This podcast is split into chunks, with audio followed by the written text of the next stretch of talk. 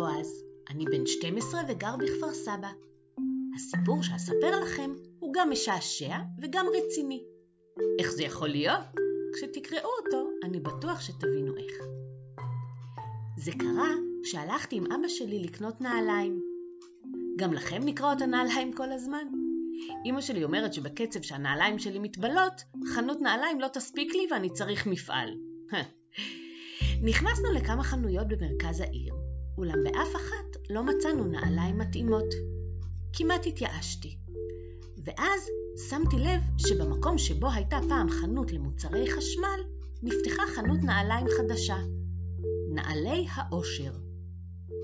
אבא ואני צעדנו לכיוונה, אך לפני שהספקנו להגיע, אבא שלי פגש חבר והתעכב כדי לשוחח איתו. כשהבנתי שהשיחה לא תהיה קצרה, סימנתי לאבי שאני נכנס אל החנות. מה אומר לכם? חנות נעליים כזו לא ראיתי עדיין. החנות הייתה גדולה, וכל קירותיה כוסו מדפים עמוסים בנעליים מכל הסוגים ומכל הגוונים.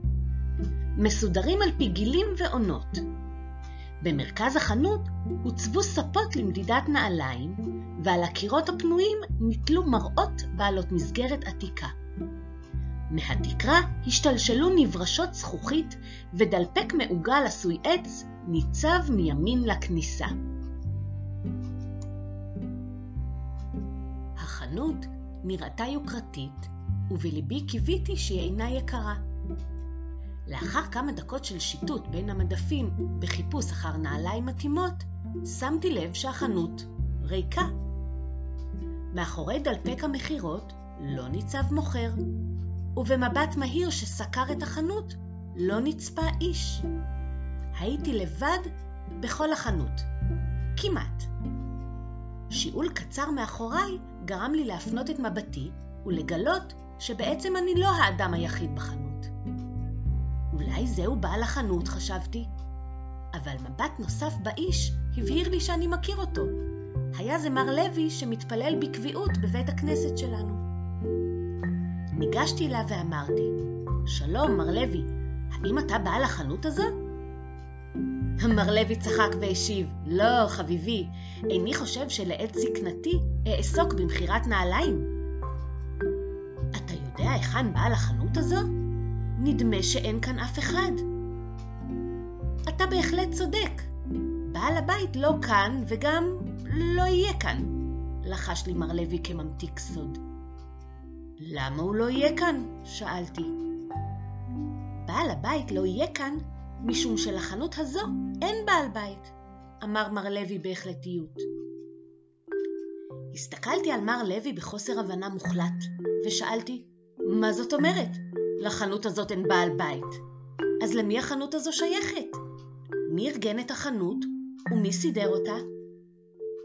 החנות הזו אינה שייכת לאף אחד, היא נוצרה מעצמה, השיב מר לוי בפנים רציניות. לא נעים לי לומר, אבל הייתי בטוח שקרה משהו למר לוי, ומפאת כבודו שתקתי בנימוס. מר לוי שם לב לשתיקתי ושאל בחיוך, נו, למה אתה שותק ילד? אין לך מה לומר? האמת שהיה לי הרבה מה לומר, אבל איך אני יכול לומר לאדם מבוגר ממני ב-60 שנה לפחות, שדבריו חסרי היגיון ואינם מתקבלים על הדעת? אבל מר לוי לא הרפה ממני. נכון שזה דבר מדהים שחנות יפה כזו נוצרה בעצמה? מר לוי, גמגמתי במבוכה, אני לא רוצה חלילה לפגוע בך, אך איני חושב שחנות כזו או כל חנות אחרת יכולות להיווצר מעצמן. ברור שיש לחנות הזו בעל בית שאחראי לכל מה שיש כאן. ציפיתי שמר לוי יתרעם על דבריי, אבל להפתעתי הוא חייך. עכשיו הייתי מבולבל לגמרי. מה קורה כאן? ומה קרה למר לוי? למה הוא מחייך? צליל פתיחתה של הדלת קטע את מחשבותיי. הסתובבתי לאחור וראיתי אדם גבוה נכנס אל החנות. שלום רבותיי, פנה אלינו האיש, אני גל, בעל החנות הזו. סליחה שנותרתם כאן ללא מענה, קפצתי לכמה דקות לחנות הצילום הסמוכה. במה אפשר לעזור לכם? ידעתי שיש לחנות הזו בעל בית. הנה הוא! אמרתי בחיוך למר לוי. גל התבונן בשנינו, ובפניו מבט סקרני ששואל, מה קורה כאן? ילדי הצעיר, אתה צודק. בהחלט אין זה הגיוני לומר שלחנות כזו אין בעל בית, אמר מר לוי והצביע על גל. אבל אם ברור שחנות כזו אינה יכולה כלל להתקיים ללא בעל בית, כיצד ישנם אנשים הסוברים שלעולם שלנו אין בעל בית, אה? תחשוב על זה. אני מחכה לתשובה, אמר מר לוי וצבט כלות בלחיי. לחץ את ידו של גל ופנה לצאת מן החנות. מר לוי מחכה לתשובה? ממני? בסך הכל רציתי לקנות נעליים. אבל כפי שאני יודע, ממר לוי אי אפשר להתחמק, ואצטרך להשיב לו תשובה. אולי אתם תעזרו לי בזה?